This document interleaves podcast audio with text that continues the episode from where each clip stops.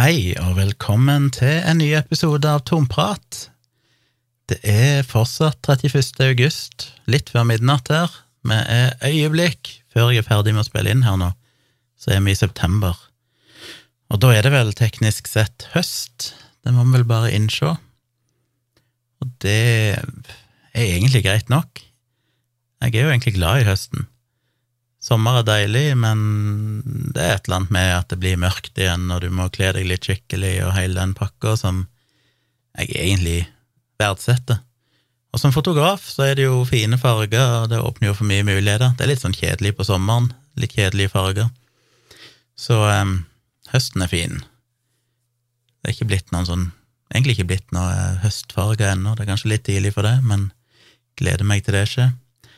Jeg eh, er jo seint ute med episode. Eh, jeg hadde vel en episode i forrige uke, så fort jeg var sånn noenlunde oppegående igjen etter covid. Men den coviden sitter jo godt i. Den eh, Vanskelig å sette fingeren på. Jeg, jeg var jo dårlig et par dager til etter jeg spilte inn den podkasten der jeg bare ikke fikk gjort noen ting, egentlig. Bare følte meg ganske ræva. Ikke sånn direkte sjuk, men bare svimmel og dårlig og veldig slapp, eh, og lurte meg sjøl hele tida, for hvis jeg bare satt i sofaen og så på YouTube lenge, så tenkte jeg sånn nei, nå føler jeg meg egentlig ganske bra, men det øyeblikket jeg reiste meg opp, så var det bare sånn oh, shit, så merka jeg bare at jeg er jo ikke med i det hele tatt, ble bare svimmel og ja. Og selv om jeg vel nå basically er frisk igjen, så kjennes det fortsatt ut som at jeg er litt sånn eh, litt slapp. Det, energien er ikke helt på topp. Tone ble jo selvfølgelig smitta. Husker ikke om hun hadde blitt det sist jeg spilte inn podkast, men hun ble jo det. Eh, det interessante var jo hvor annerledes symptomer hun fikk.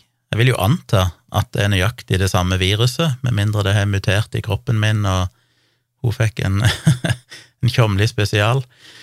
Men uh, i utgangspunktet så vil jeg jo anta at hun ble smitta av meg, for hun var vel ikke i kontakt med andre mennesker i løpet av de dagene fra jeg ble syk til hun ble syk, og det var vel nesten uunngåelig at ikke hun skulle bli smitta.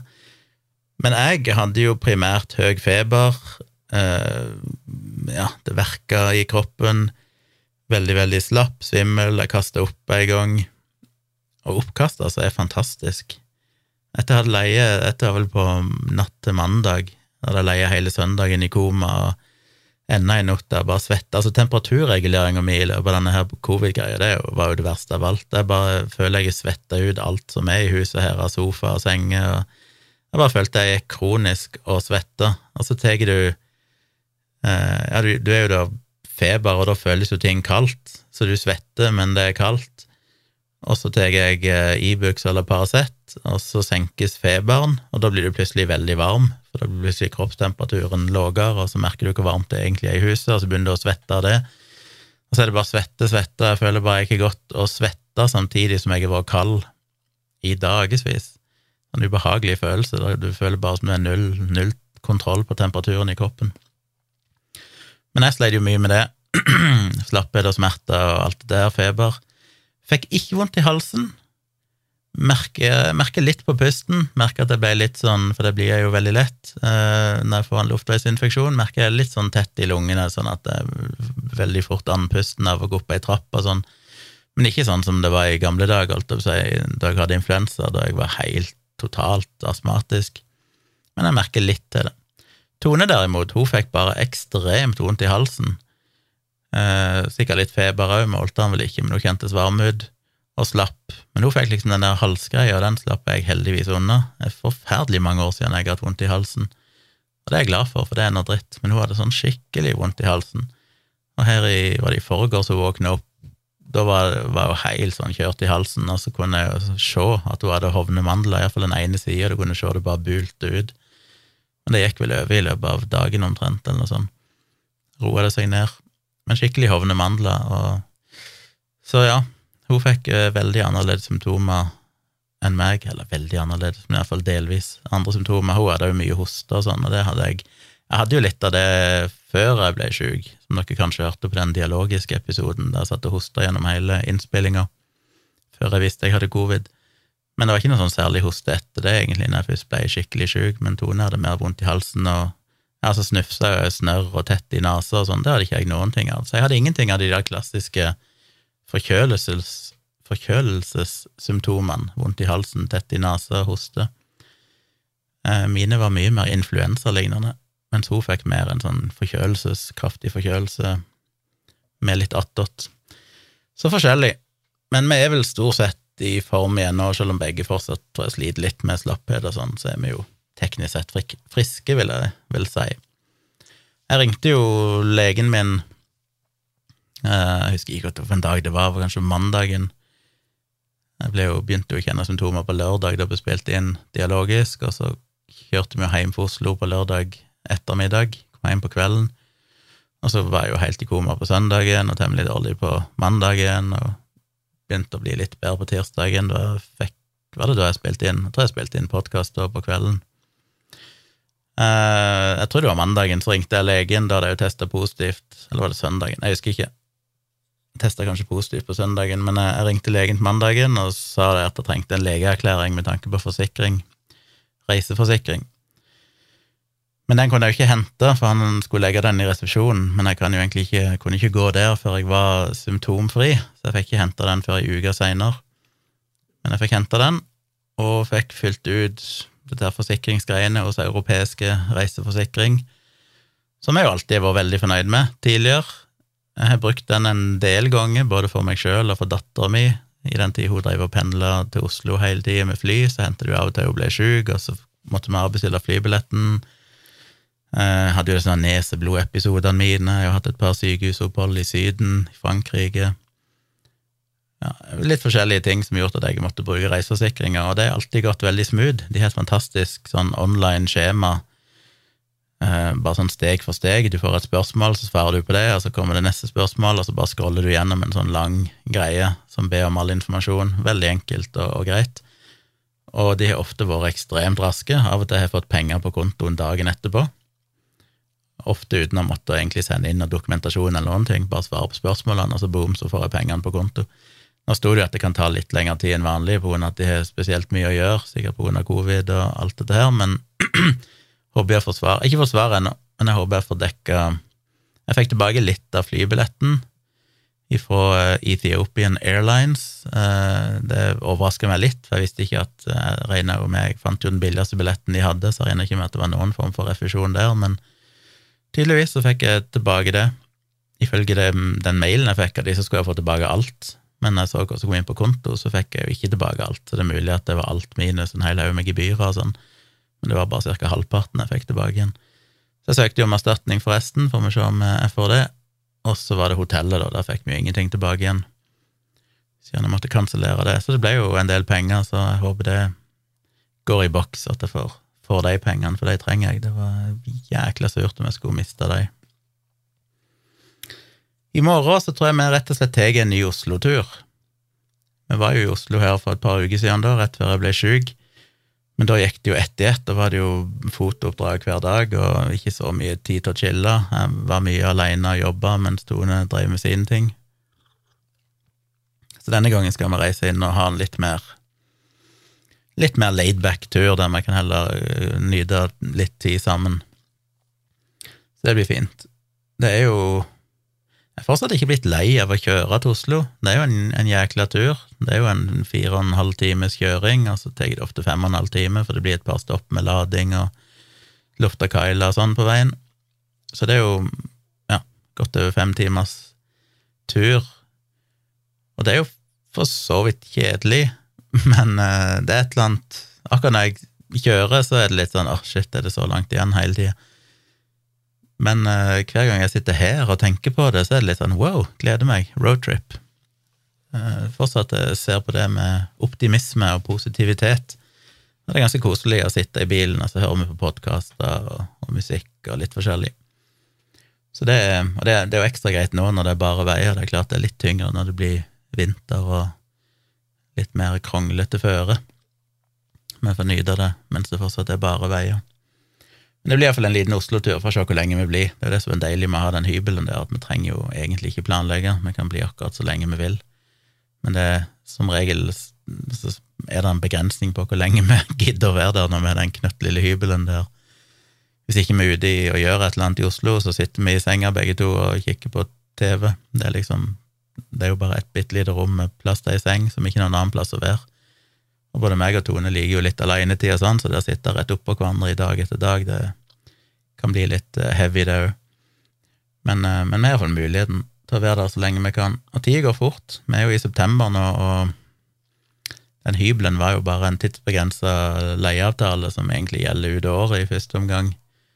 Mulig vi kan forlenge den litt ut på nyåret, men eh, de skulle selge den leiligheten tidlig på nyåret, så tviler på det. som i utgangspunktet ut dette året. Så om et par-tre måneder så må vi jo begynne å se om vi kan finne en ny hybel, og i disse dager så høres jo ikke det så veldig positivt ut. Det er jo hybelmangel så det holder i Oslo. Men kanskje det er litt greier når vi kommer nærmere jul utpå høsten. Da vil det verste presset forhåpentligvis eh, overstått. Så vi får se hva vi klarer å finne. Hvis ikke vi finner, så er det jo litt krise, for nå har vi jo vent dere til at vi har den plassen i Oslo, og vi kan reise til Oslo når vi vil. Det frister ikke mye å gå tilbake igjen til å måtte betale for hotell hver gang vi er der. For det er, selv om det er en liten hybel, og sånt, så har vi iallfall en dataskjerm og en Apple TV som vi liksom kan se på på YouTube og TV-serier og sånn. Vi et bitte lite kjøkken og et kjøleskap der vi kan ha noe cola og litt sånn. Det, det er liksom litt mer praktisk enn et hotell, selv om det ikke er mye forskjell. Men vi får se. Får se hva tida bringer. En grunn til å Altså, apropos flytting, så har vi jo tenkt litt nå på om vi skal vurdere å flytte igjen, for rett og slett komme oss litt nærmere Kristiansand. Jeg husker ikke om jeg har sagt det før, men uh, hvis det var opp til meg, så hadde jeg nok bare blitt her, mest av alt fordi Ikke fordi at jeg ikke har lyst til å bo et annet sted og nærmere Kristiansand, men bare fordi det er så jækla stress å flytte. Det er altså den, den prosessen med at du først skal du ha fotografering av boligen, og da må du jo rydde alt og strippe alt personlig fra vegger og hyller, og, og rydde og vaske som om du skulle flytte ut. Og det er ikke så lett her, siden det er tre etasjer med veldig smal vindeltrapp mellom etasjene, så er det vanskelig å flytte ting, så er det vanskelig å vite hvor skal du gjøre av ting når du skal ha boligfotografering. Du må liksom bare prøve å stue alt inn i et hjørne, og så ta bilde, og så flytte alt over i et annet hjørne, og så ta bilde. Så det blir ganske styrete å håndtere. Men det lar seg vel gjøre på et vis, så det må gjøres. Og så er det jo hele prosessen med salg og megler og alt dette her pisset. Så må vi jo i bank og hele den sulamitten med lån og sånn, og se hvordan det går. Og så kommer jo det til faktisk ja, utflytting, hele den prosessen, finne flyttebyrå, alt det der. Men hvis vi flytter bare fra Vennesla og nærmere Kristiansand, så kan vi jo ha litt overlapp. At overtakelse av denne boligen er en stund etter, etter at vi får ny, nytt hus, forhåpentligvis. Og da kan vi flytte litt sånn sjøl, ta litt billass og sånn, og flytte alt av småting, sånn at vi bare trenger eventuelt flyttebyrå, eller at en eller annen i familien får leid en varebil sjøl eller et eller annet sånt for å ta de store tingene. Får se. Det går iallfall an å gjøre det litt mer i rykk og napp enn når du flytter så langt som fra Oslo til Kristiansand, for da må du nesten bare ta alt på en gang. Så jeg vet ikke. Det er nå et sånn lite lyspunkt, og det er jo primært vel fordi Tone ikke trives spesielt godt her, og det kan jeg godt forstå. Um, det vil nok være mer trivelig for begge, og kanskje mest av alt for Tone, å bo en plass der det både er litt andre omgivelser, for selv om vi bor på et veldig fint sted, det er et, et fint hus, og det er egentlig ingenting å klage på, så er det et ganske dølt område. Det er ikke noe med Vennesla å gjøre i seg sjøl, det er nok andre plasser i Vennesla en kunne bodd, så hadde det vært vesentlig mer trivelig, men akkurat her så er det liksom rett ved en ganske trafikkert vei.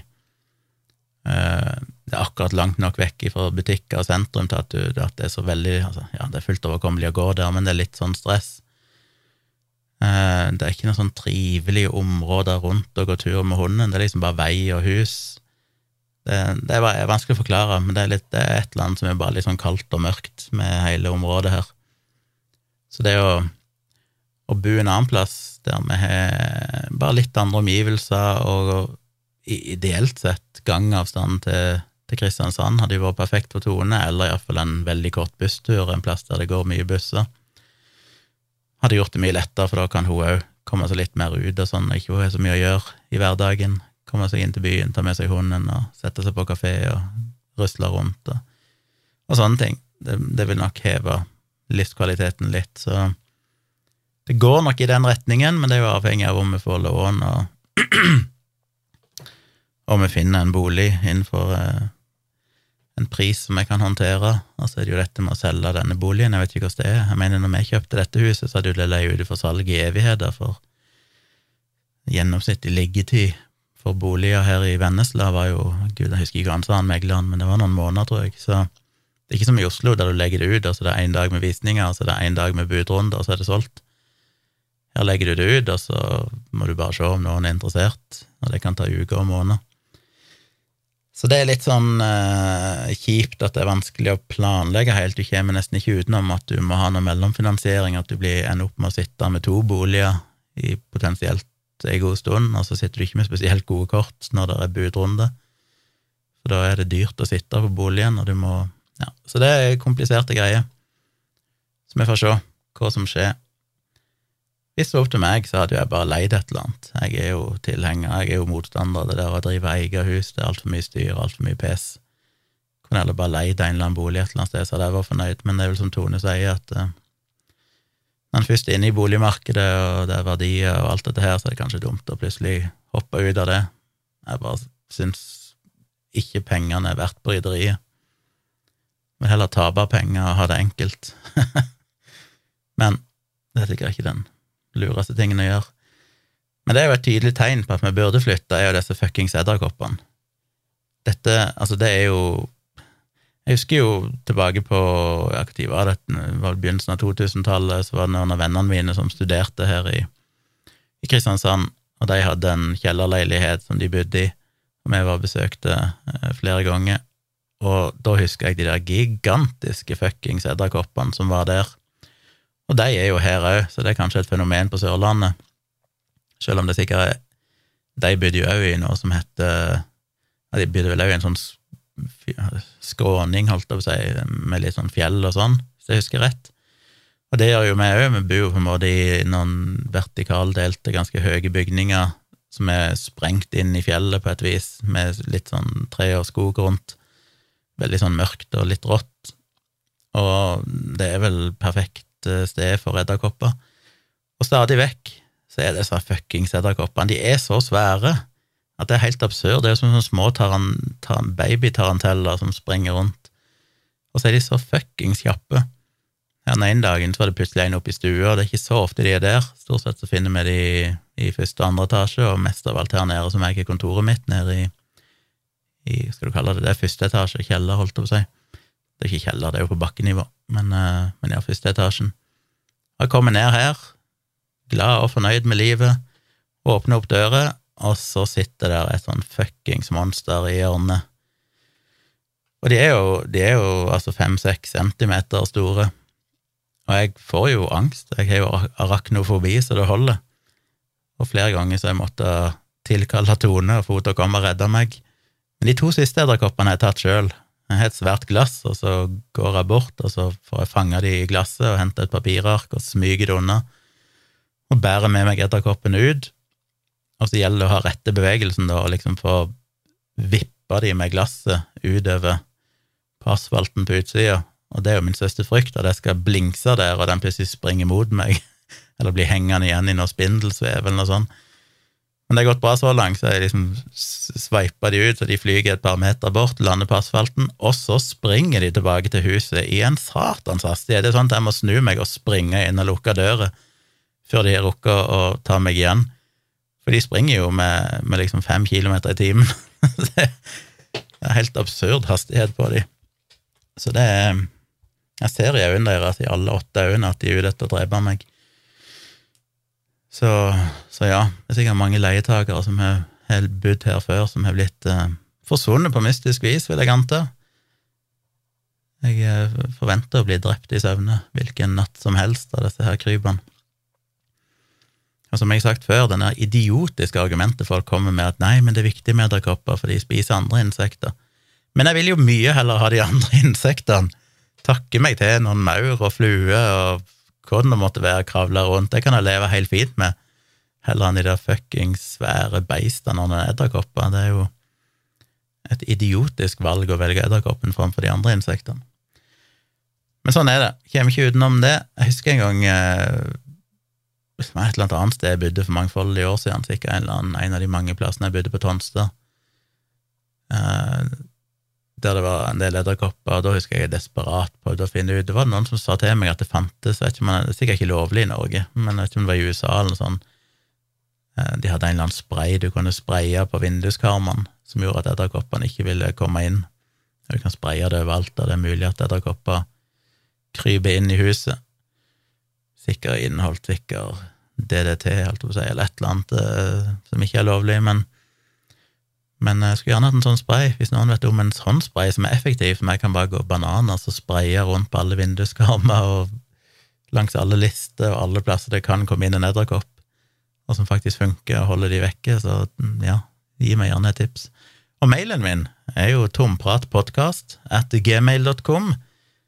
Så send meg fortsatt mail og spørsmål, tips og alt mulig rart på mailen min, tompratpodkast at gmail.com. Det setter jeg alltid pris på. Og så har jeg fått eh, Bare før jeg går over på hovedsakene her, så har jeg fått eh, flere som er blitt patrons. Det syns jeg er veldig, veldig hyggelig, for det hjelper meg så mye med å kunne drive på med de her tingene jeg driver med, og prioritere de.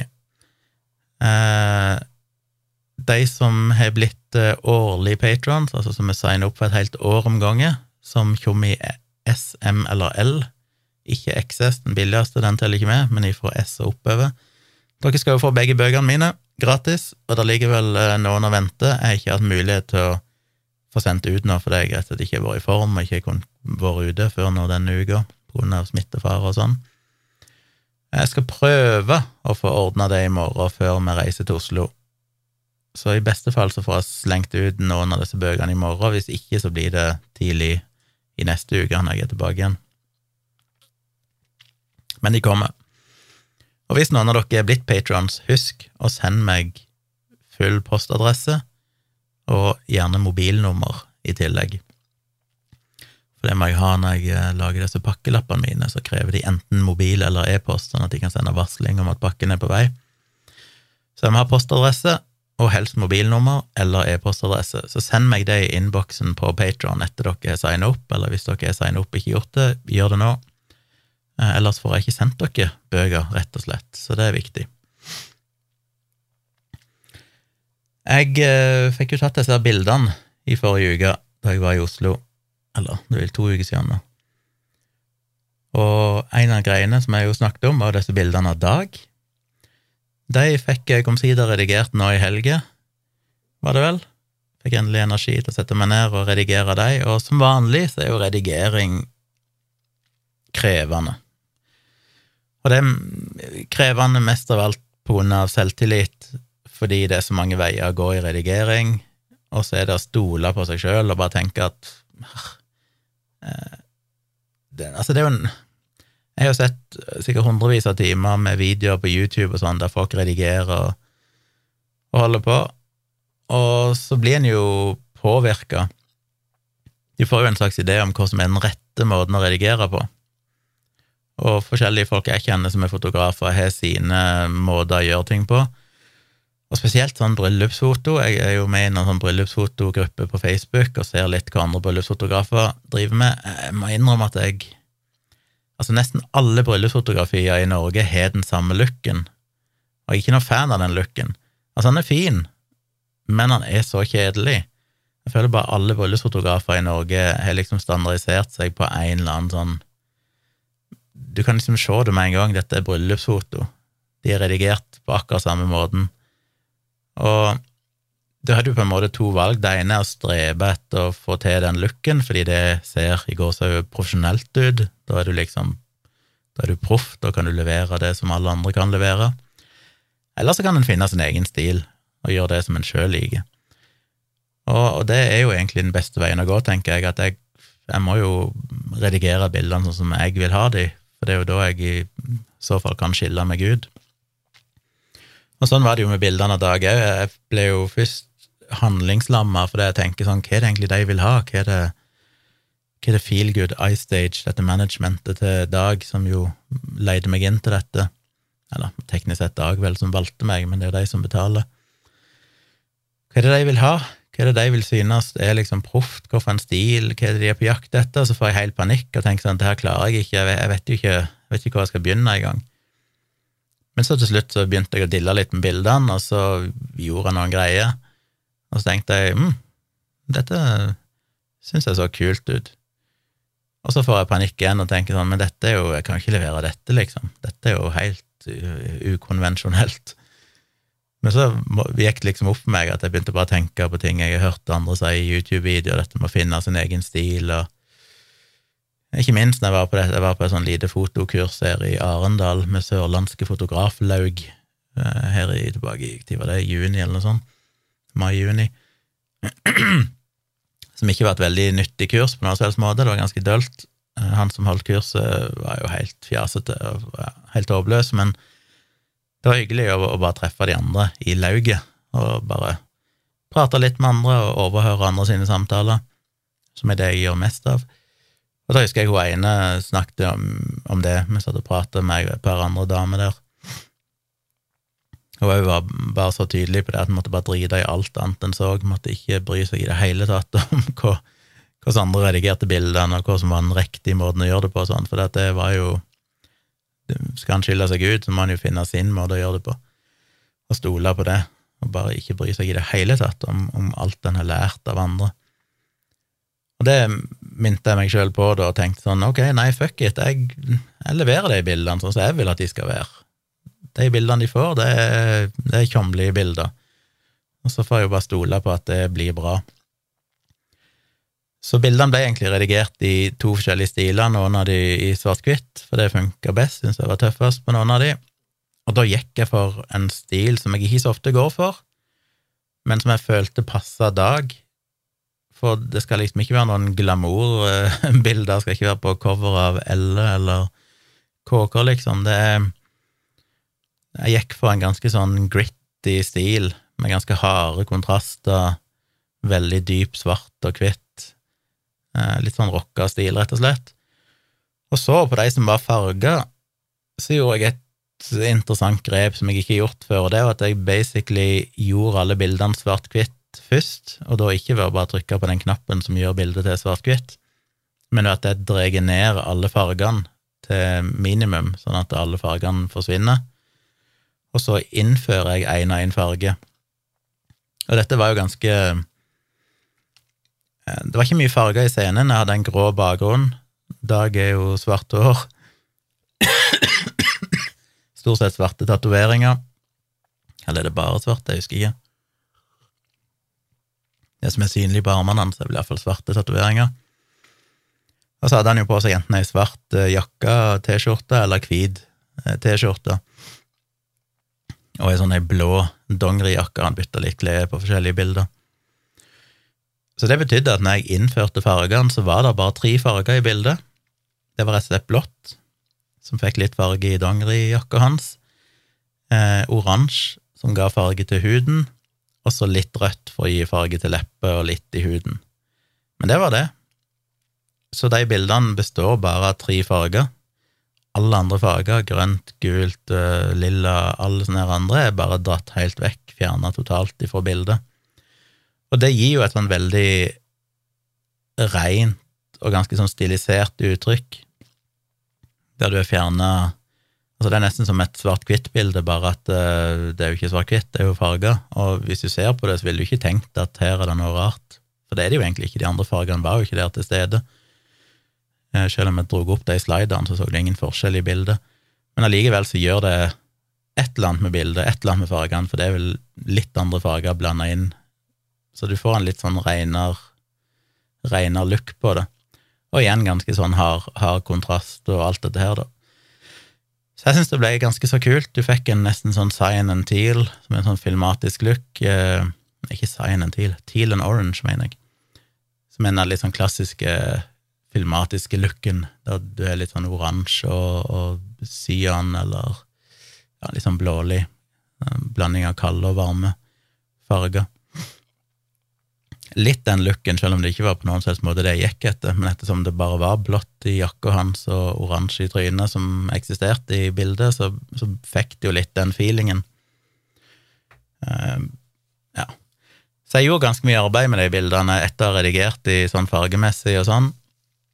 Så gikk jeg inn og, og renska litt opp i huden hans, og så er det jo selvfølgelig alltid bitte grann flass og sånn på T-skjorta, eller det er noen hvite sånne små tråder som stikker ut på dongerijakka hans, eller litt sånne ting. Og det tok ganske lang tid. Jeg måtte sitte og gå over alle bildene, zoome inn, sitte og fjerne alle sånne hvite prikker, og prøve å renske opp bildet. Uh, og blir det kanskje personlig for Dag her nå, men akkurat på disse bildene her så hadde han to øyenbryn som var helt sølvgrå eller hvite, og de var så synlige på alle bildene at på det ene øyenbrynet hans, på hans høyre øyenbryn, så var det akkurat som et kors, to hvite hår som gikk i kryss, og de måtte jeg gå inn på hvert eneste bilde og retusjere vekk, for de var så, de var så distraherende. Så det blir litt sånn småperk som tar ganske mye tid. Så jeg gjorde ganske mye arbeid med, med alle sånne detaljer sånn på de bildene, for de, de skal liksom være ja, så perfekte som jeg kan få de. Og så I tillegg så redigerte jeg jo alle disse bildene jeg tok når han var på scenen, på Njø scene, hadde denne prøveshowet sitt. Eh, de gjorde jeg ikke så mye med. Da gikk jeg mer inn og bare tweaka litt farger sånn. Boosta de fargene som var på scenen, for å gjøre det litt, sånn, litt mer fargerikt. Det var noen farger lys som var litt sånn blasse, men jeg prøvde å booste de litt.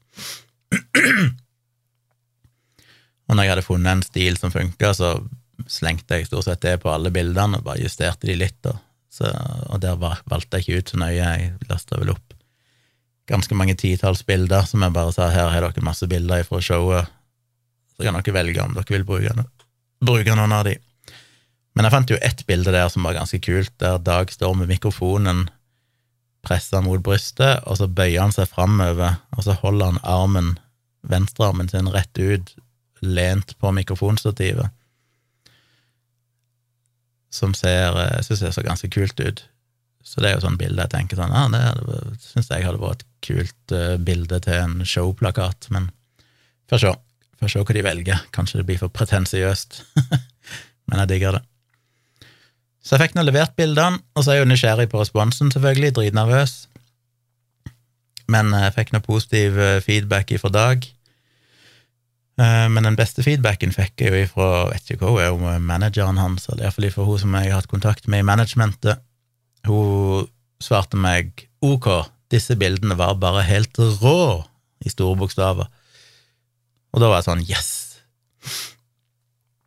Da ble jeg glad, for jeg er litt sånn jeg trenger Jeg er alltid veldig usikker på meg sjøl, og hvis folk bare sier sånn ja, det var fine bilder, så er det litt sånn de likte de ikke egentlig. For det, at du, det å få en positiv tilbakemelding, at noen sier bildene er fine, det føles som meg som nei, nå sier du bare det du må si, dette er bare en sånn hyggelig frase. Men det å få en sånn 'disse bildene var bare helt rå', det er sånn 'yes, det er det jeg trenger å høre'. Det er noen som liksom går det lille ekstra skrittet i å fortelle meg at dette ikke bare når de sier for å være hyggelig, dette er en genuin respons, liksom. Dette, hun har sett bildene, så hun tenkt sånn 'shit, de var kule'. Og det gjorde meg virkelig glad, for det var sånn ah, da føler jeg at uh, jeg har lykkes. Så jeg er jo ikke fornøyd sjøl, selv, selvfølgelig, for jeg sitter og jobber med disse bildene, og så tenker jeg bare åh, hvor er liksom de skikkelig, skikkelig blinkskuddene? Det var mange bra bilder der, mange kule. De beste bildene var jo ikke de som Dag poserte på. Jeg tok jo, jeg tok jo rundt 1000 bildene sånn i studio av han, og prøvde jo all slags forskjellige poseringer. Jo da, det var jo en del av poseringene òg som funka, som ble brukt, men de, de, som skilte seg ut, var jo de bildene jeg tok litt sånn innimellom, når Dag ikke helt fulgte med, der han står og ser litt til sida, eller er litt sånn For da virker han bare mer naturlig. Og det er jo de blinkskuddene en prøver å fange.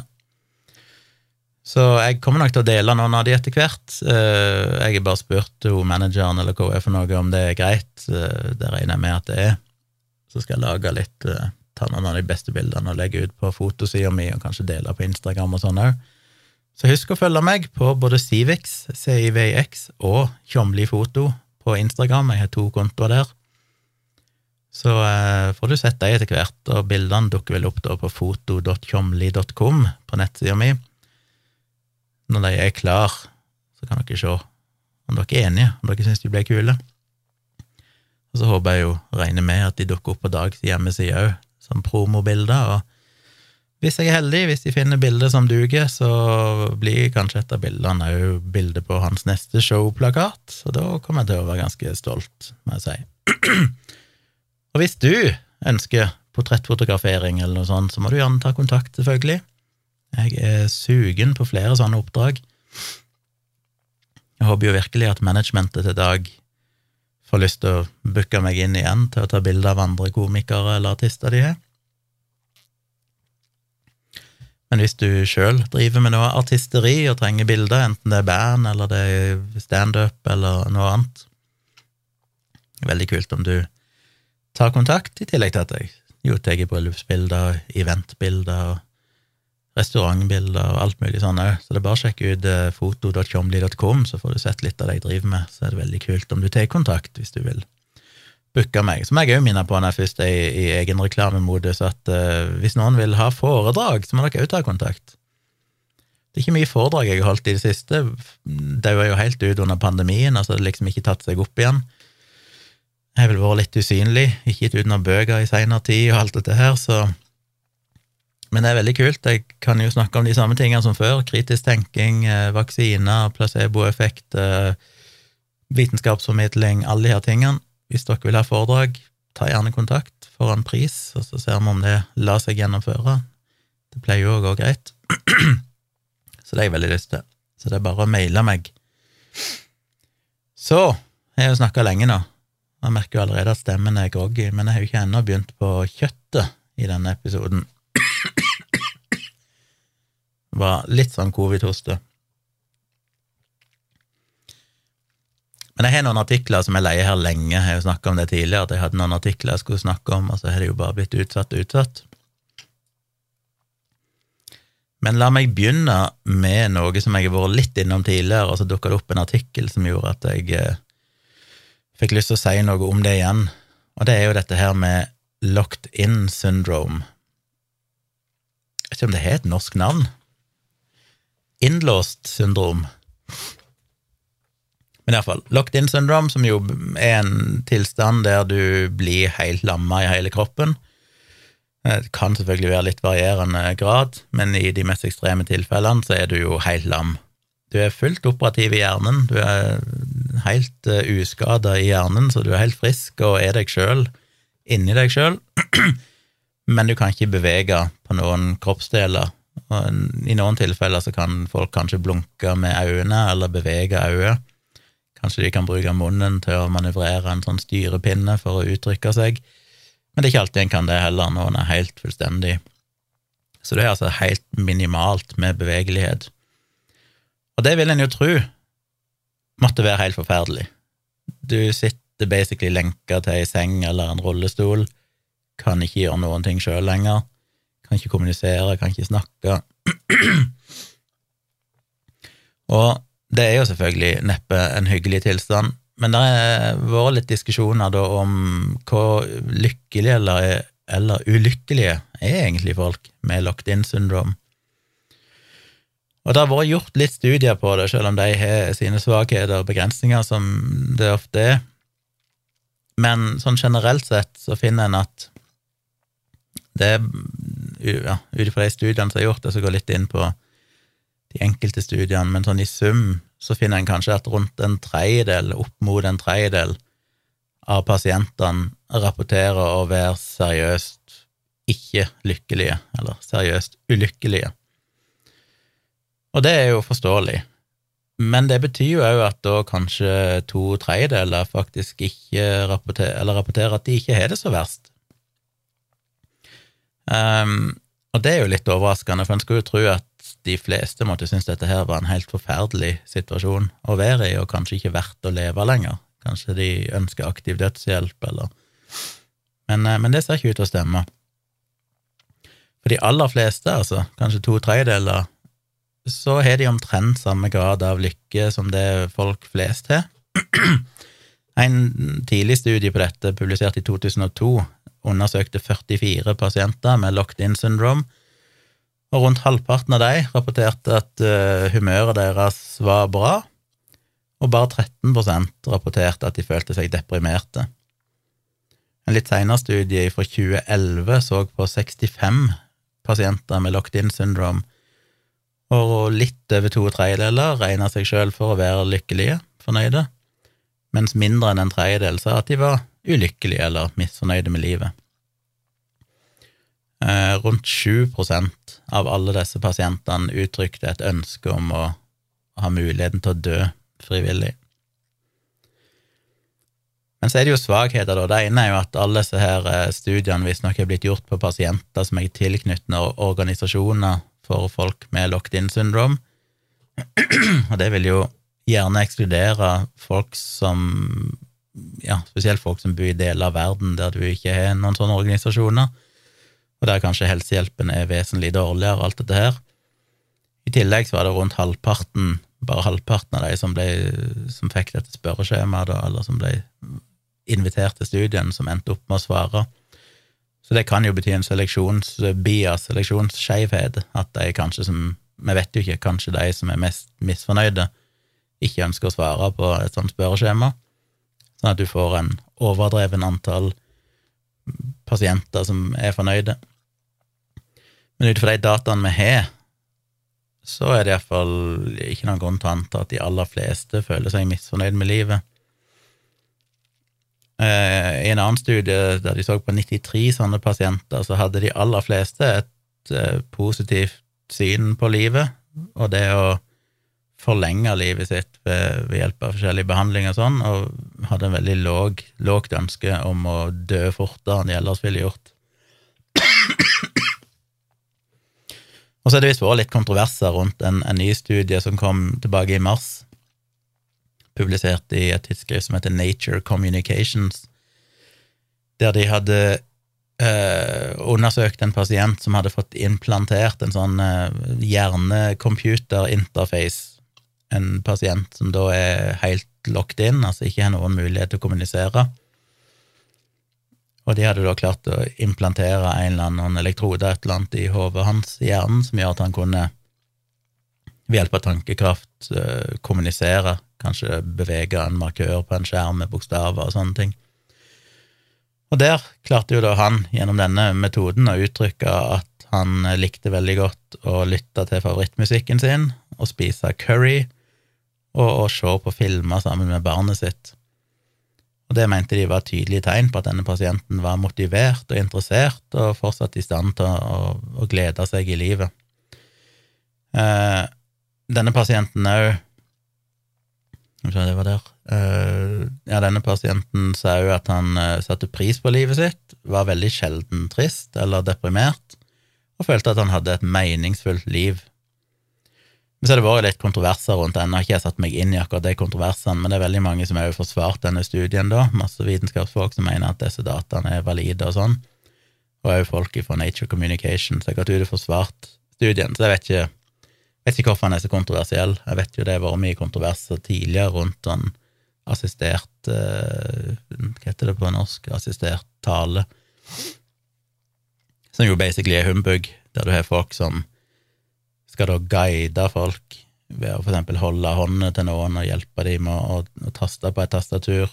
Og så viser det seg jo selvfølgelig at det, det er jo disse her guidene som egentlig skriver, selv om de kanskje ikke vet det sjøl. Det er litt som sånn Ouija-board der du tror at noen beveger hånda di mot forskjellige bokstaver, men egentlig så er det bare underbevisste muskelbevegelser og alt dette her som, som styrer det. Så det er jo stort sett bare sjarlataneri og et overgrep mot disse ofte ungene da, som, blir, som får de her assistentene som skal hjelpe dem å kommunisere. Jeg vet ikke om det er noe, noe kontroverser rundt det her. Men dette skal jo være noe datastyrte greier, med et uh, hjernedatamaskin-interface, og jeg vet ikke. Men iallfall Det som er interessant med dette, er jo både hvor stor andel som sier at de virker fornøyd med livet, selv om de har locked in syndrom, men òg det at folk rundt disse pasientene nok har et litt for negativt syn på livskvaliteten til disse pasientene. En studie fra Tyskland eh, så på 89 pasienter med ALS, som jo er noe annet, men som er, ligner litt, eh, der du ja, mister muskelstyrken gradvis, og ender opp i litt sånn samme tilstand som locked-in syndrome-pasienter etter hvert. Eh, de så på 89 ALS-pasienter, 86 eh, caregivers, altså folk som passer på dem, og 102 friske personer. Og da ble pasientene spurt om å rangere sin egen livskvalitet, og disse helsearbeiderne eller de assistentene sånn som jobba med dem, ble bedt om å prøve å rangere livskvaliteten til pasienten når de passa på dem, og de friske menneskene ble spurt om å rangere livskvaliteten til noen virtuelle pasienter, sikkert noen sånne pasientscenarioer de ble presentert for. Og det de fant, var at selve pasientene de rapporterte jo en ganske høy grad av, av velvære, og veldig liten grad til ønske, liten, lite ønske om å dø tidligere, altså få eh, Hva heter det? Holdt på å si selvbetjent eh, selvmord. um, selvbestemt uh, Herregud, hva heter det for noe? ja, assistert uh, se, se, ja, At du dør tidligere, blir drept. Får lov å dø av egen vilje. Mens de som eh, var hjelpere, assistenter og de friske, de hadde en tendens til å overvurdere hvor deprimerte disse ALS-pasientene faktisk var, og de undervurderte da òg livskvaliteten til ALS-pasientene. Så kort sagt, pasientene sjøl var relativt fornøyd med livet sitt og hadde ikke noe ønske om å dø, mens de som var rundt de, følte at dette var sannsynligvis ganske deprimerte folk og neppe hadde noe særlig bra livskvalitet. Eh, I en annen studie som så på 3000 friske personer, så sa jo mer enn halvparten av de at de nok ikke ville ønske å fortsette å leve hvis de endte opp med locked in syndrome. Og alt dette her er jo viktig å se da i sammenheng, da. Altså hvis du er frisk, meg og deg, Forhåpentligvis deg, men iallfall vi som eh, ikke har locked in syndrome eller ALS, eller er etter normale standarder friske og oppegående, så er det veldig lett å tenke at hvis du havner i en sånn situasjon, så er ikke livet verdt å leve lenger, og vil kanskje være litt overivrige på å tilby eh, eh, Herregud, hva heter det for noe? Må jeg googla det. Eh, assistert dødshjelp. Aktiv dødshjelp var vel ordet jeg var ute etter. Herregud. Kanskje litt for ivrig å tenke at det bør være et, eh, et valg for disse menneskene, mens pasientene sjøl kanskje ikke egentlig ønsker det. Og det er jo greit nok når pasientene kan uttrykke det, men i tilfelle med locked in-syndrom så er det mange som ikke kan uttrykke det. Så de pasientene som er blitt spurt her, er jo folk som på en eller annen måte har hatt mulighet til å uttrykke det. Det kan jo selvfølgelig gi en seleksjonsskjevhet, for hvis de er i stand til å uttrykke seg, så er det kanskje større sjanse for at de er fornøyd med livet enn de som er såpass uh, dårlige at ikke de kan det.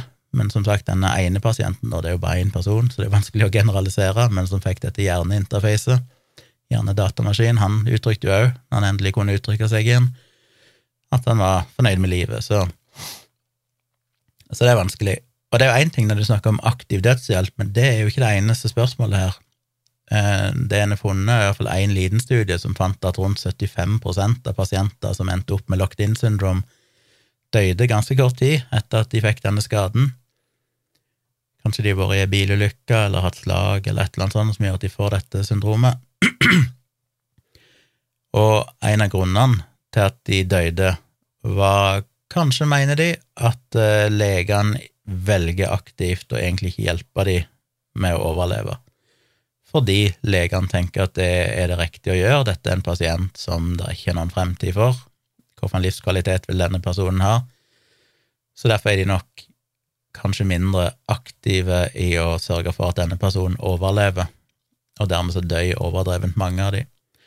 Og det er jo der det blir et problem, plutselig et etisk problem, for at disse legene gjør vel det de mener er det riktige, men det er jo da i stor grad påvirka av at vi tror at disse pasientene kommer til å ha det så fælt, mens i realiteten så kan det være et fullverdig liv å leve, selv om de er i denne tilstanden.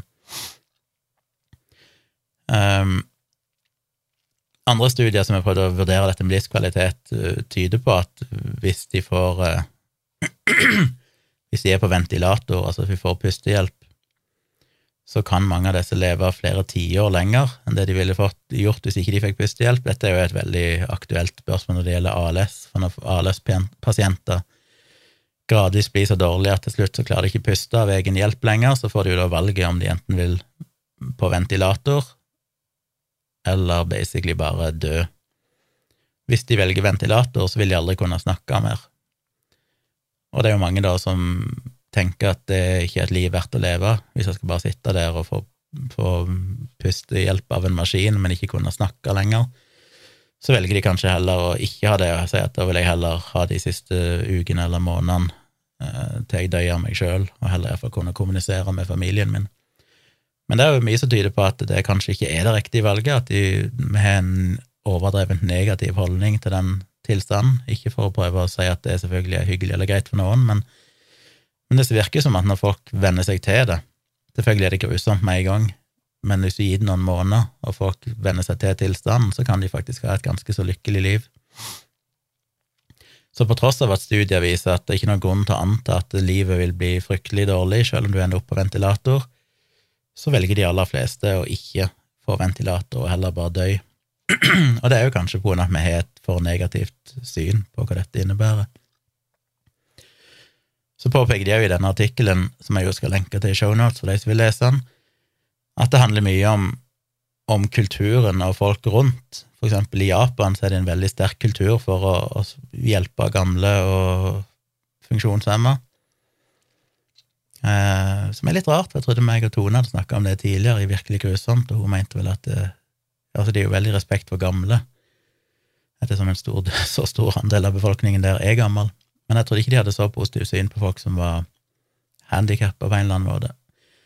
Men uansett, der er det iallfall en sterk kultur for det, står det her, og der, der er det òg veldig mange flere pasienter med locked-in-syndrom som aksepterer å havne på ventilator, og som òg da lever lenger. Eh, rundt 30% av alle ALS-pasienter får ventilator i Japan, som visstnok da er høyere enn i resten av verden, som handler mye om kulturen der. um, ja, mens i land som er kanskje et mindre positivt syn på dette, og der du ikke har den samme helsehjelpen, der du kanskje ikke får dekka det av staten og sånne ting, der det koster mye penger, alt dette her, så er det kanskje en mindre, en, en lågere, en svakere tendens til å oppfordre pasienter med locked-in-syndrom til å faktisk få ventilator når de trenger det. Og mange av de velger kanskje ikke sjøl, fordi de da òg føler som en mye større byrde for familien, både økonomisk og alt mulig rart. Så det er jo forferdelig trist at uh, ja, at det, litt av poenget her er vel kanskje å endre litt av de holdningene, og skjønne det at uh, det er et valg en kan ta, og fortsatt uh, ha et bra liv. Og så står en jo fritt til å velge det sjøl, men det er dumt hvis folk velger det vekk bare fordi at de føler at de blir en byrde for familien, eller tror at livet kommer til å bli helt forferdelig etterpå.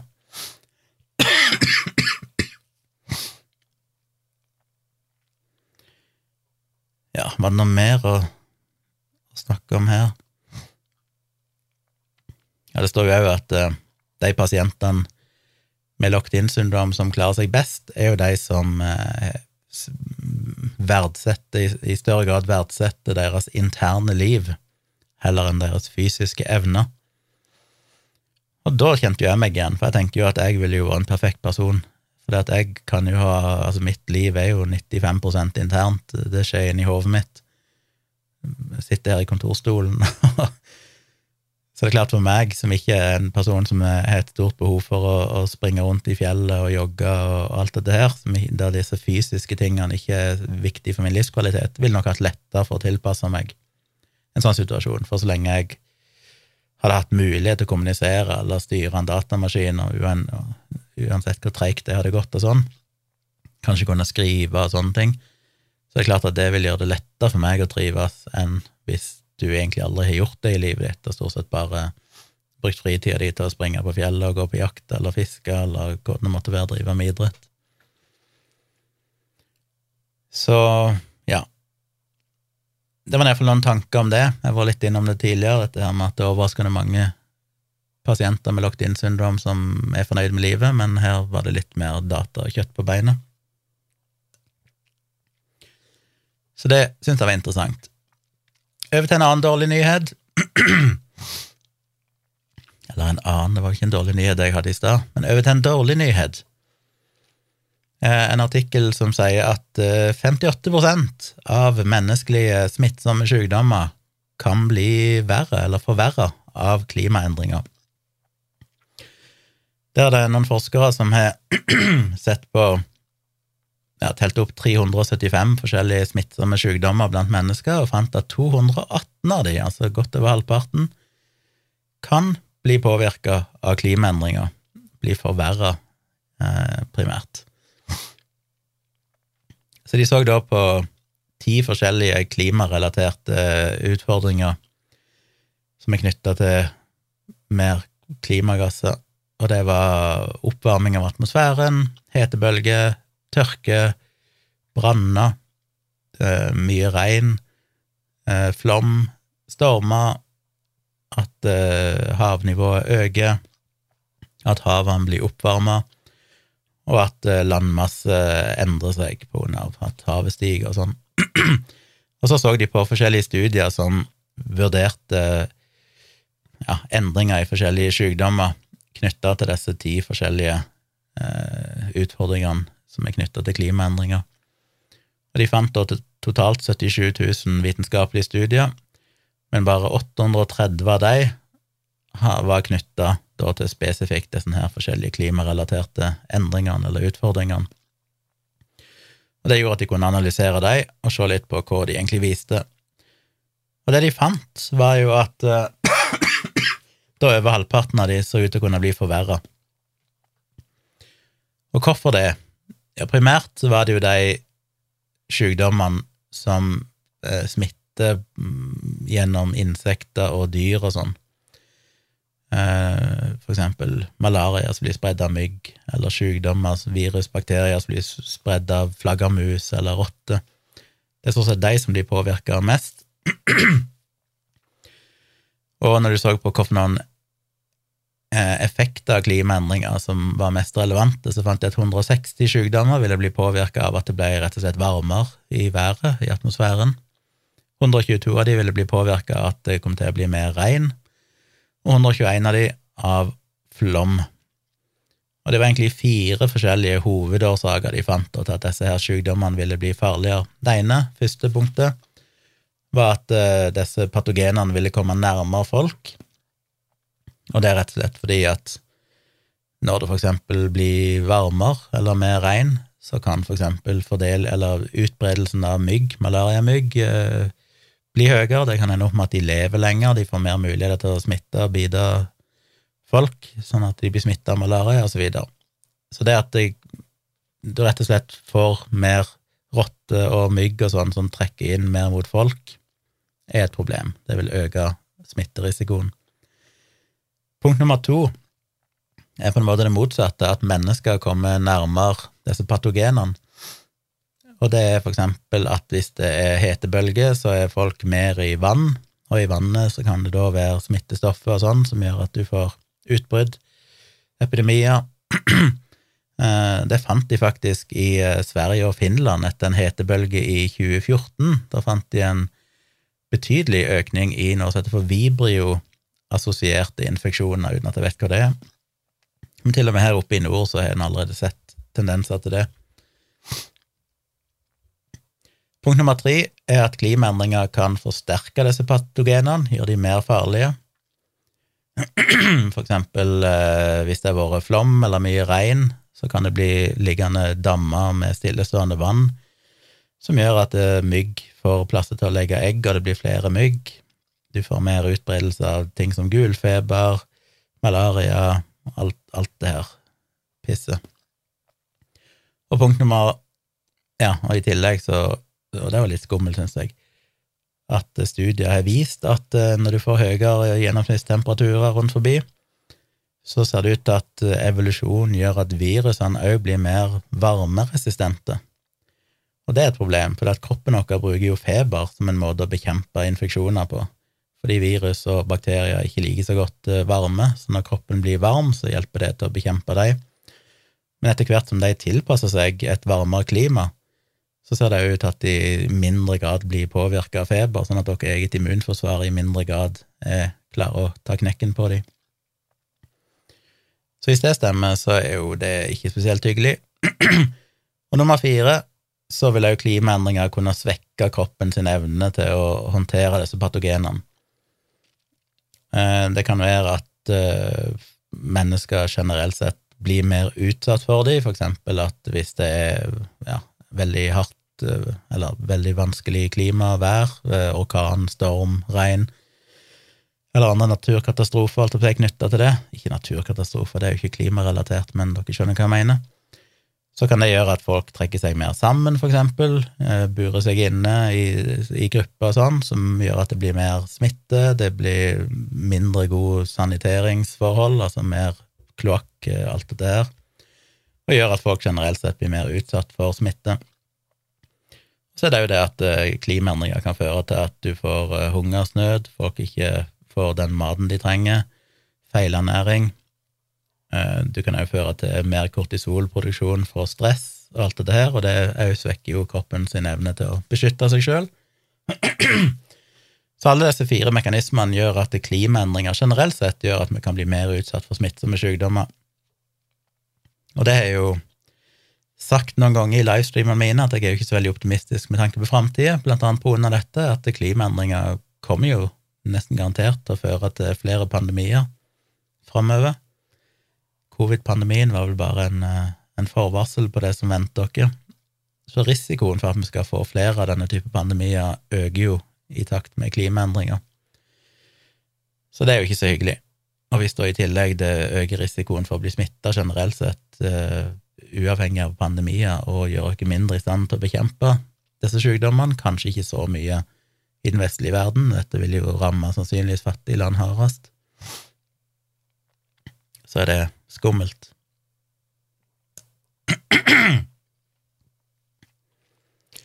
Over til en annen studie. Sorry, jeg merker at jeg er litt sånn uh, covid-groggy igjen Som handler om mat, og igjen litt klima. Eh,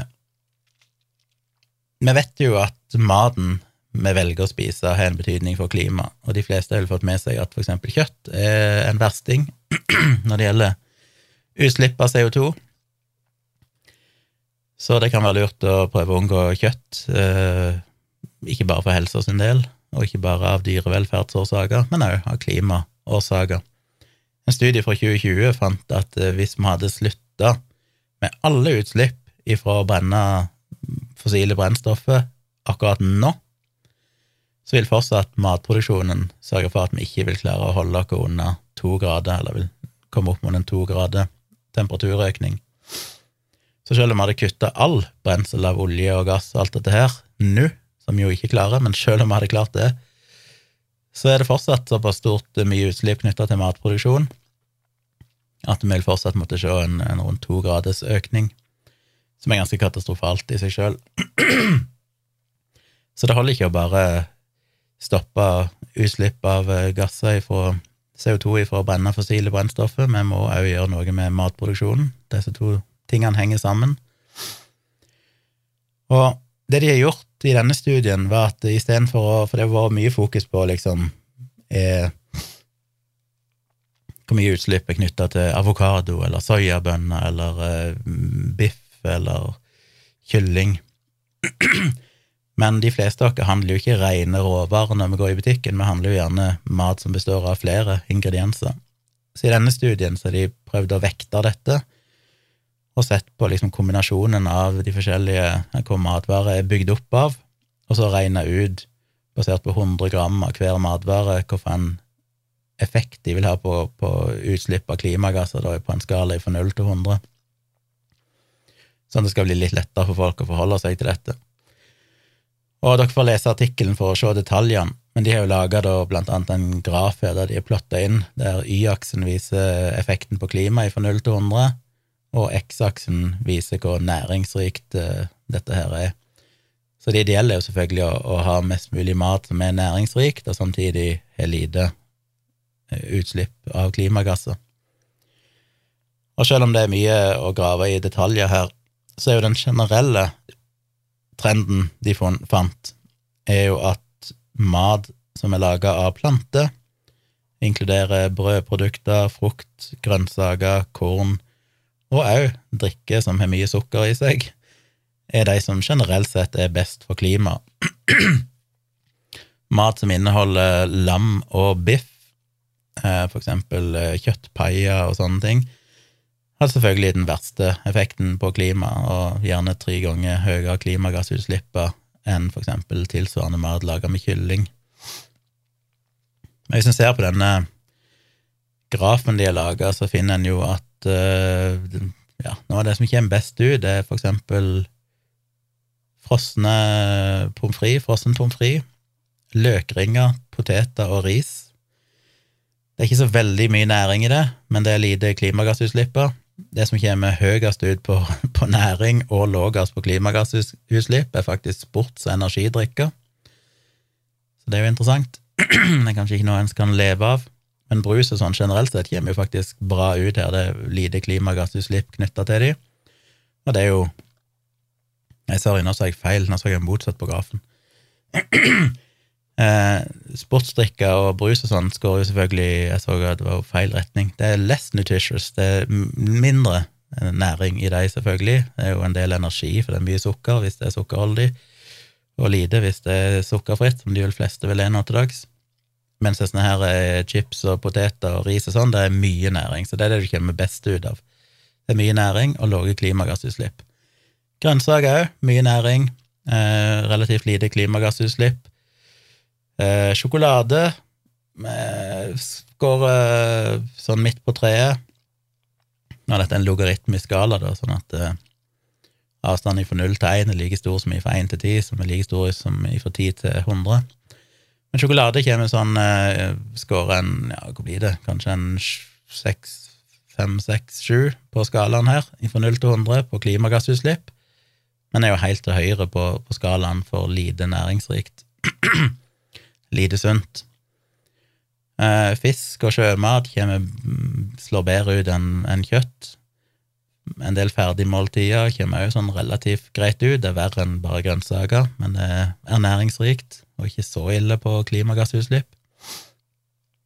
Det som skiller seg ut på negativskalaen, er jo eh, nøtter og for så vidt sjømat, som har mye næring, men som slår ja, ganske negativt ut på klimagassutslipp litt motsatt av det jeg sa. Det, jeg syns det skårer relativt lågt, for det ligger under ti, men eh, til og med de verste tingene her Ja, det verste her ligger vel oppå en 50, kanskje, som er lam og biff.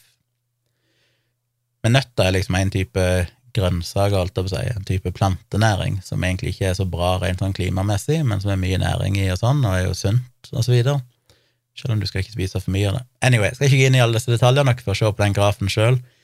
Men det korte konklusjonen for denne studien var iallfall at generelt sett, og det er kanskje ikke overraskende for folk, så er jo plantebasert mat det mest klimavennlige. Ikke bare når du spiser det enkeltvis, men også hvis du velger matvarer som i stor grad er laga med plantebaserte råvarer heller enn uh, inneholder noe som helst kjøtt. Så det kan jo være noe å ta med seg i dine valg for kostholdet framover. Og så til slutt til en veldig interessant studie.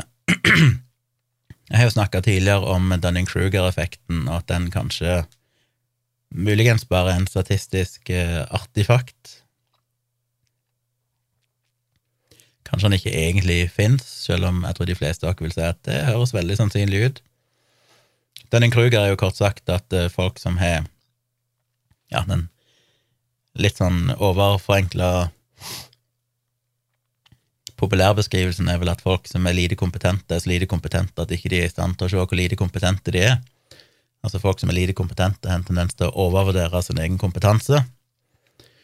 Så du har denne her eh, folk som er lite kompetente, kompetente, tror at de er veldig kompetente, men etter hvert som du lærer mer, får mer kunnskap, så synker selvtilliten, og du begynner å innse at shit, jeg kan jo egentlig ingenting. Og etter hvert som du lærer enda mer, så begynner du jo faktisk å bli litt kompetent, og da stiger jo selvtilliten igjen. Uh, men du har denne her Mount Stupid, som de vil kalle den i grafen, denne her toppen som er ganske tidlig, at folk som er veldig lite kompetente, egentlig er ganske dumme, enten en som tror at de er veldig kompetente og smarte. Og vi har vært gjennom, og er fortsatt i en pandemi, der vi har sett det veldig tydelig i vaksinespørsmål og alt dette her. Og her har de da gjort en ganske så avansert, stor studie med egentlig bestående av mange små studier, fem forskjellige studier, der de har prøvd å analysere dette på forskjellige måter. Og studie nummer én og to var ganske like. Jeg skal bare gå ned og finne beskrivelsen. Jeg vet ikke om jeg skal Skal jeg gå inn i detaljene der, eller skal jeg ikke det? Jo, jeg går inn og prøver å ta en liten overblikk. Metoden for studie 1 og 2 Der var det rundt en ja, 3300 eller sånn deltakere totalt i de to studiene. Der ble deltakerne randomisert til én av, av sju forskjellige kategorier der de skulle svare på spørsmål, vitenskapelige spørsmål.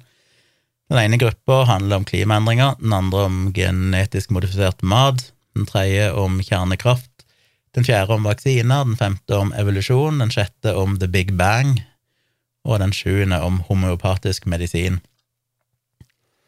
Så først skulle de da svare på et spørsmål der de sa hvor enige eller uenige de var i den vitenskapelige konsensus for dette, eksempel at klimaendringer er reelle, eller at homeopatisk medisin ikke virker. De skulle si uh, hvor enige de var i det.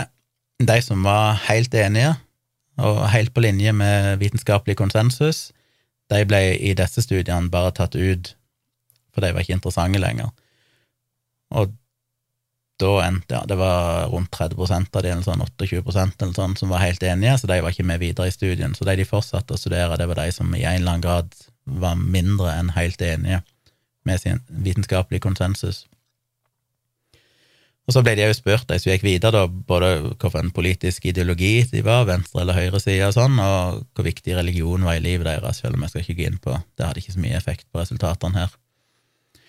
Um, så skulle de vurdere ifra en skala fra én til sju, det de altså regner som den eh, subjektive kunnskapsnivået. De skulle rangere det, altså hvor, hvor mye kan de om dette temaet, fra 1 til 7. Deretter så fikk de 34 spørsmål som var eh, der de skulle svare enten om det var sant eller usant, med forskjellige vitenskapelige spørsmål i tilfeldig rekkefølge. Og, og på alle disse 34 spørsmålene så skulle de da rangere alt ifra eh, hei, altså definitely true til definitely false, på en skala fra 1 til 7. Så enten helt enig i at dette er sant, eller at det absolutt er feil. og så ble disse svarene da koda fra minus tre til pluss tre, avhengig av hvor korrekte svarene deres var i forhold til vitenskapelig konsensus, og da summert. Og så oppga de litt informasjon om alder og inntekt og kjønn og utdanningsnivå og sånn. Fikk så betaling for å ha deltatt og alt dette her, og så var de ferdige. Eh, og det de fant da i den første, var jo at det var en veldig klar omvendt korrelasjon mellom de som rangerte at de hadde veldig høy kunnskap om et tema, og at de da òg samtidig ikke hadde det når de skulle svare på disse, disse, vitenskapelige spørsmålene. Det viser seg at de hadde egentlig ikke peiling, de kunne egentlig ingenting om vitenskap innenfor det temaet sjøl hadde rangert seg som veldig kunnskapsrike i, og de fant òg en korrelasjon mellom at de da òg var mer uenige med vitenskapelig konsensus. Så altså de som kunne minst, hadde òg minst var minst enige med vitenskapelig konsensus, og rangerte òg sin egen kunnskapsnivå høyest. Veldig klassisk Dunning-Kruger. Men òg veldig typisk at, eh, og det har en jo sett i tidligere studier, at eh, det er veldig tydelig sammenheng mellom at de som er mest motstandere av vaksinering, òg kan definitivt minst om hvordan vaksiner blir laga, hvordan vaksiner virker, alle reguleringer som er knytta til utvikling av nye medisiner og vaksiner og sånne ting. Altså, jo mindre du kan om dette, jo større motstand har du. Så opplæring, det å få folk til å lære hvordan disse prosessene fungerer, er jo ekstremt viktig sånn sett. I studie nummer tre så gjorde de en liten variant der de ga deltakerne 85 cent, en symbolsk betaling, for å delta i studien. Eh, og så hadde de bare fire forskjellige kategorier. De hadde GMO-mat, de hadde vaksiner, de hadde kjernekraft, de hadde homopatisk medisin. Igjen så fikk de spørsmål om å rangere sitt eget kunnskapsnivå. Men så fikk de òg muligheten til å vedde på at de hadde mer enn gjennomsnittlig kunnskap om disse temaene. Uh, ja. Og hvis de valgte å vedde på dette, så kunne de vinne penger, da, i dette tilfellet 50 cent, så de kunne altså få 50 cent mer, så det er jo ganske symbolsk. Eh, så hvis de valgte å vedde, og faktisk hadde høyere kunnskapsnivå enn eh, medianen innenfor det temaet de var kategorisert til, så kunne de altså vinne litt ekstra, en femmer ekstra. Hvis de derimot valgte å ikke vedde på det, så fikk de automatisk 25 cent som en liten bonus uansett, så de, kunne, de fikk litt ekstra uansett.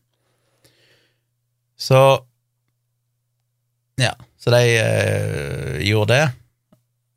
Og da må jeg scrolle langt her for å finne ut hva de egentlig fant ut av den delen av studien. Da fant de at eh, Da fant de at eh, jo mer motstand de hadde til vitenskapelig konsensus, jo større sjanse var det for at de valgte å ta det veddemålet som er et tegn på at jo mer motstand de hadde mot vitenskapelig konsensus, jo større selvtillit hadde de på at dette her kan jeg mer enn vitenskapsmenn om.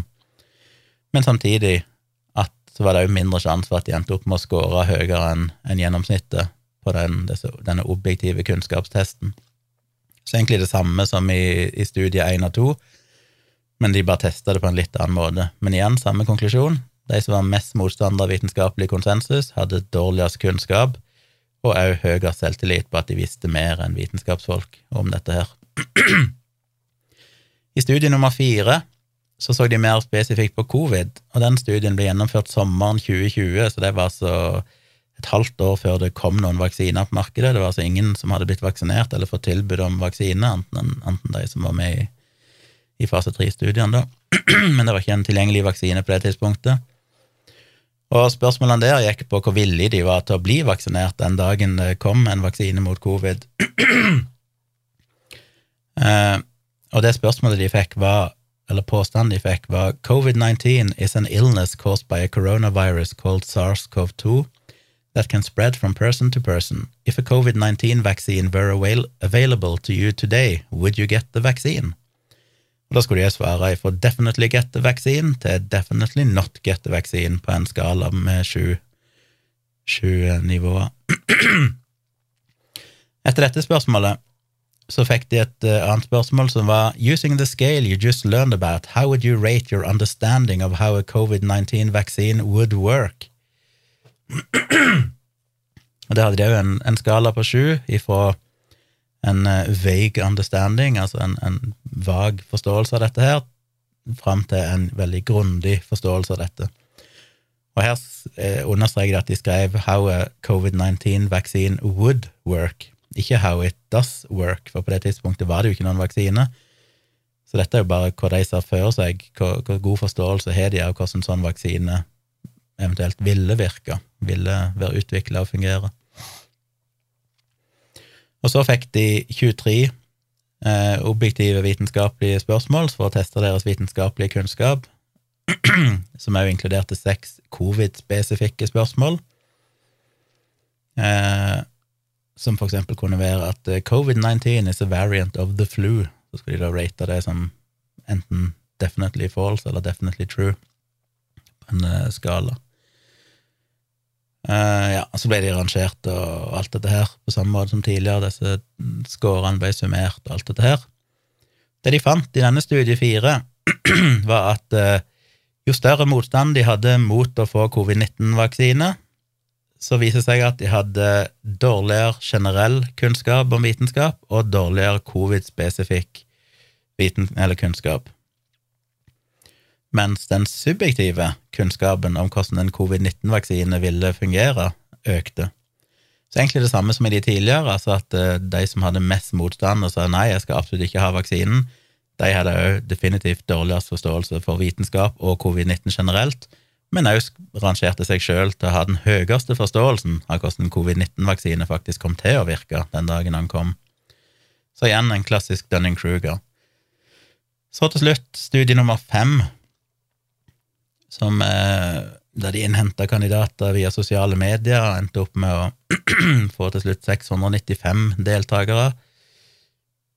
Der skulle de først eh, og der, der skulle de se litt om holdningene deres til covid-19, smitteverntiltak og sånn. Da fikk de først noen spørsmål om de hadde vært eksponert for covid-19 og sånn, om det hadde vært noen venner eller familie som hadde dødd, eller kollegaer eller noe sånt, som hadde dødd av covid-19. Eh, de som ikke hadde hatt covid-19 sjøl, ble spurt om deres uh, opplevelse av risiko for å få det, og fikk masse spørsmål om som skulle liksom, teste kunnskapen deres om covid-19 og hvilke noen smitteverntiltak som eksisterte, og hvordan de virka og sånn. Så fikk de deretter et, uh, en serie med spørsmål som skulle teste deres faktiske objektive kunnskap om covid-19, og om hvordan det smitta blant mennesker og sånne ting. Og så fikk de spørsmål om deres støtte til forskjellige smitteverntiltak, og hvilken tillit de hadde til politikere og vitenskapsmenn. Deretter så fikk de en del spørsmål som skulle rangere eller måle i hvor stor grad de sjøl valgte å følge smitteverntiltak, og hvilke motivasjonsfaktorer som drev de valgene deres, enten de ikke gadd å følge tiltak som å bruke munnbind osv., eller at de gjorde det. Eh, så ble det jo sjekka ja, hvor mye kun, eller informasjon de tok til seg om covid-19, hvor de fant informasjonen hen og sånne ting. Og så litt uh, kartlegging av hvilken frykt og sånn de hadde rundt, og hvordan de takla situasjonen med pandemien og sånne ting.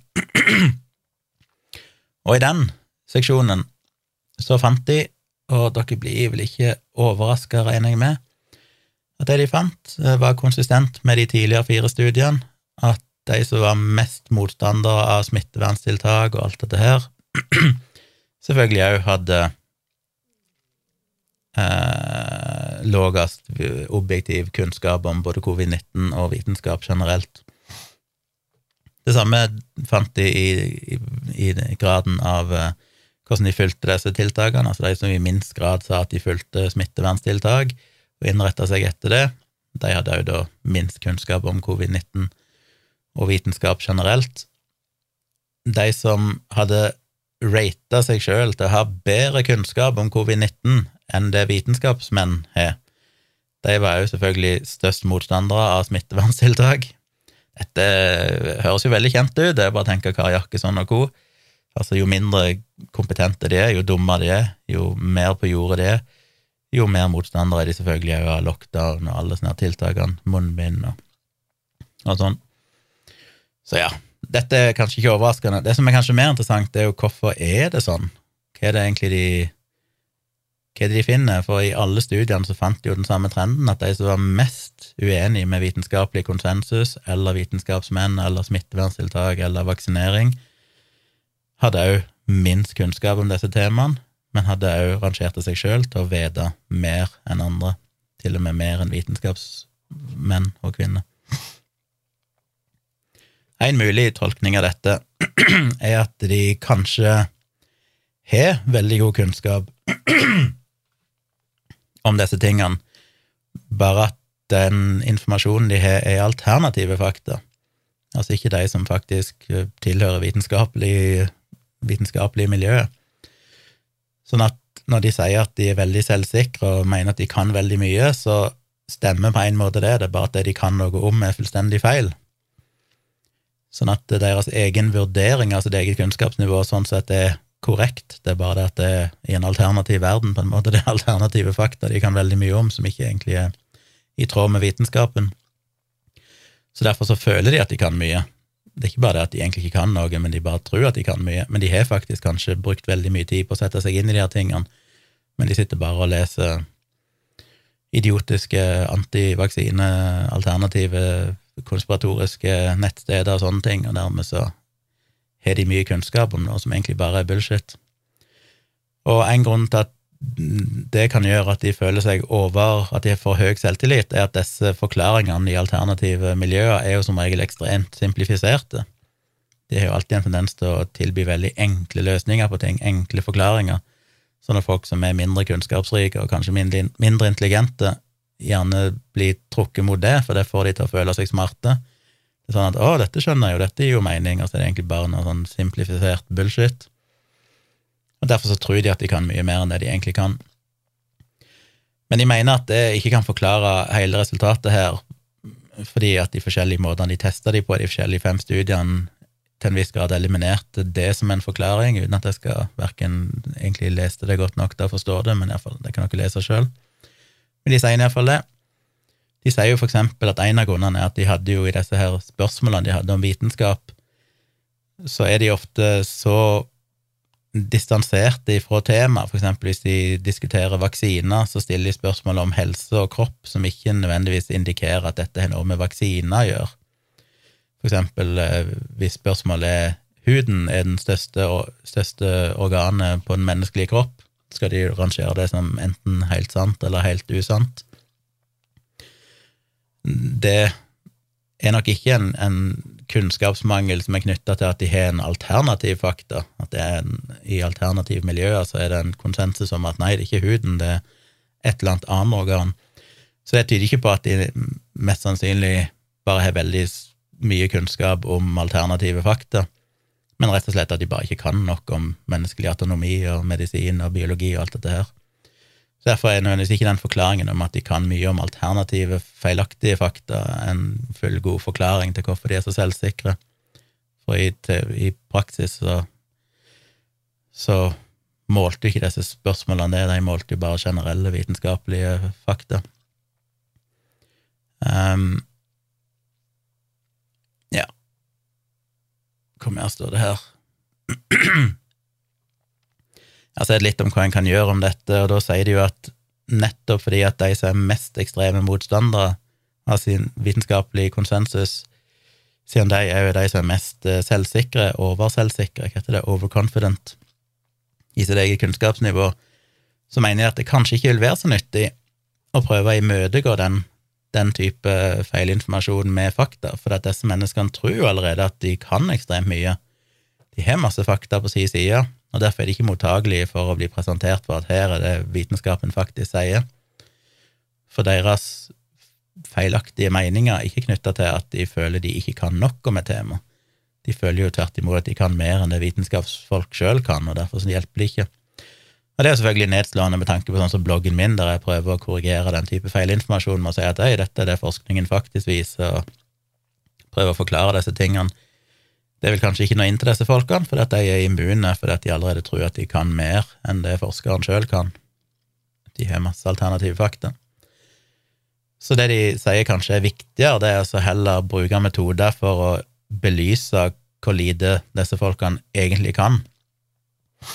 For eksempel å heller oppfordre disse folkene til å forklare disse mekanismene som ligger under, eller som eh, Ja, mekanismene som som ligger til grunn for forskjellige vitenskapelige prosesser og sånne ting som er komplekse, eksempel knytta til hvordan vaksiner virker, eller hvordan SARS-CoV-2 fungerer i kroppen, og piggprotein og alt det her, altså heller enn å heller enn å prøve å si at du tar feil, og her er fakta, så skal du heller få de til å forklare ok, forklar dette.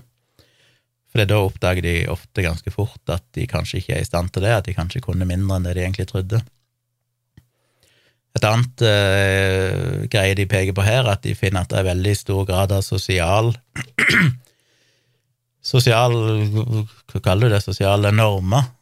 Uh, for eksempel i Japan så er det jo funnet at uh, grunnen til at det er så mange der som bruker munnbind, er ikke fordi de egentlig er opptatt av å redusere smitterisiko, eller fordi de ønsker å bry seg om sine medmenneskers ve og vel, og at de er altruistiske, altså prøver å begrense smitte med tanke på andre men rett og slett fordi de vil innrette seg etter sosiale normer, og det er veldig viktig i Japan.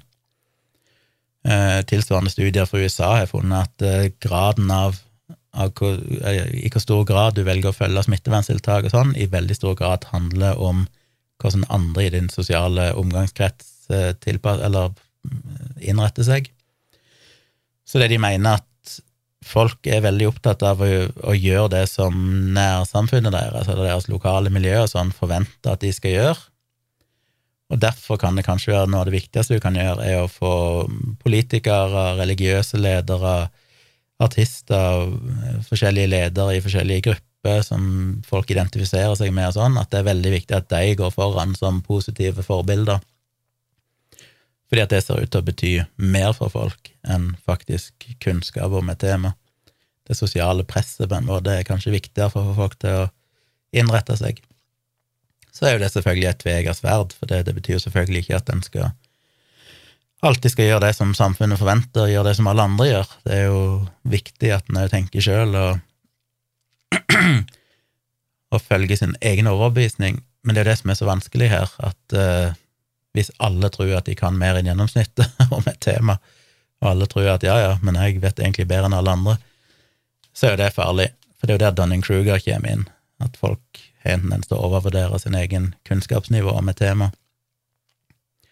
Så til syvende og sist er jo det, er jo det denne ydmykheten for fagpersoner og vitenskapelig konsensus og det å ha en tillit til autoriteter og myndigheter. Selvfølgelig med et kritisk blikk, men hvis eh, store, tunge fagmiljø på tvers av forskjellige land og sånn er enige om at eh, etter gjennomgått forskningen så er dette beste metode, bla, bla, bla, så skal du Så er det veldig liten sannsynlighet for at du som enkeltindivid har en mening som sannsynligvis er bedre informert enn det. Det er lite sannsynlig at du er den neste Einstein.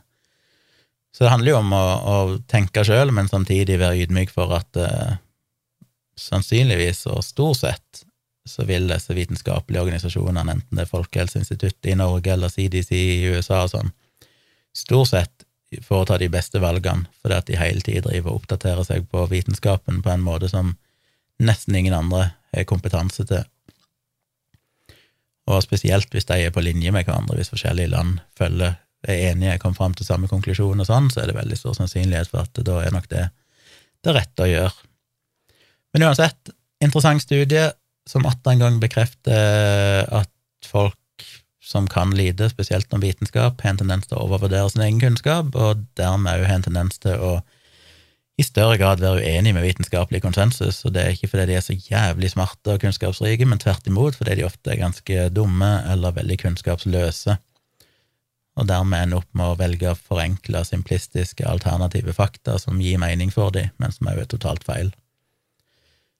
Så jeg lenker til alle disse studiene og artiklene i shownotes, så dere kan eh, lese dere blå på dem. Nei, nesten ikke stemme igjen her. Jeg eh, får vel avrunde. Vet ikke om jeg har noen anbefalinger. Har vi sett noe gøy i det siste? Nei, men bare som vanlig anbefaler RM Brown, RM Brown, på YouTube. Som er min eh, høydepunkt og glede i livet. Han kommer med ny episode hver mandag, onsdag og fredag. Og hvis du blir patron, som jeg ennå ikke har fått gjort, men som jeg faktisk må få gjort, så får du vel òg episode på tirsdag og torsdag, for han lager vel hver dag. Det er veldig sært og rart, men det er altså så kult. I, den forrige episoden som kom nå på mandag, så tok han jo for seg igjen Jordan Peterson og klarte å knytte han til Breivik. Og det er ikke så overraskende som en kanskje skulle tro, hvis en ser på grunnlaget for ideologien som Jordan Peterson snakker om, og det som inspirerte Breivik osv., så, videre, så ser han jo at det faktisk er samme utgangspunktet, samme person, og så videre. Så det er jo det som er så kult med Aaron Brown, det er så utrolig barnslig og teit med alle disse lydeffektene han driver og spiller av hele tida, men samtidig så er det liksom en kjerne av faktisk faktasjekking og rasjonalitet som ligger i bunnen. Noen episoder er mindre bra enn andre, men eh, alle er underholdende, bare fordi at når du kommer inn i det, når du har sett noen episoder, begynner å kjenne igjen disse lydeffektene og sånn, så er det jo bare så morsomt.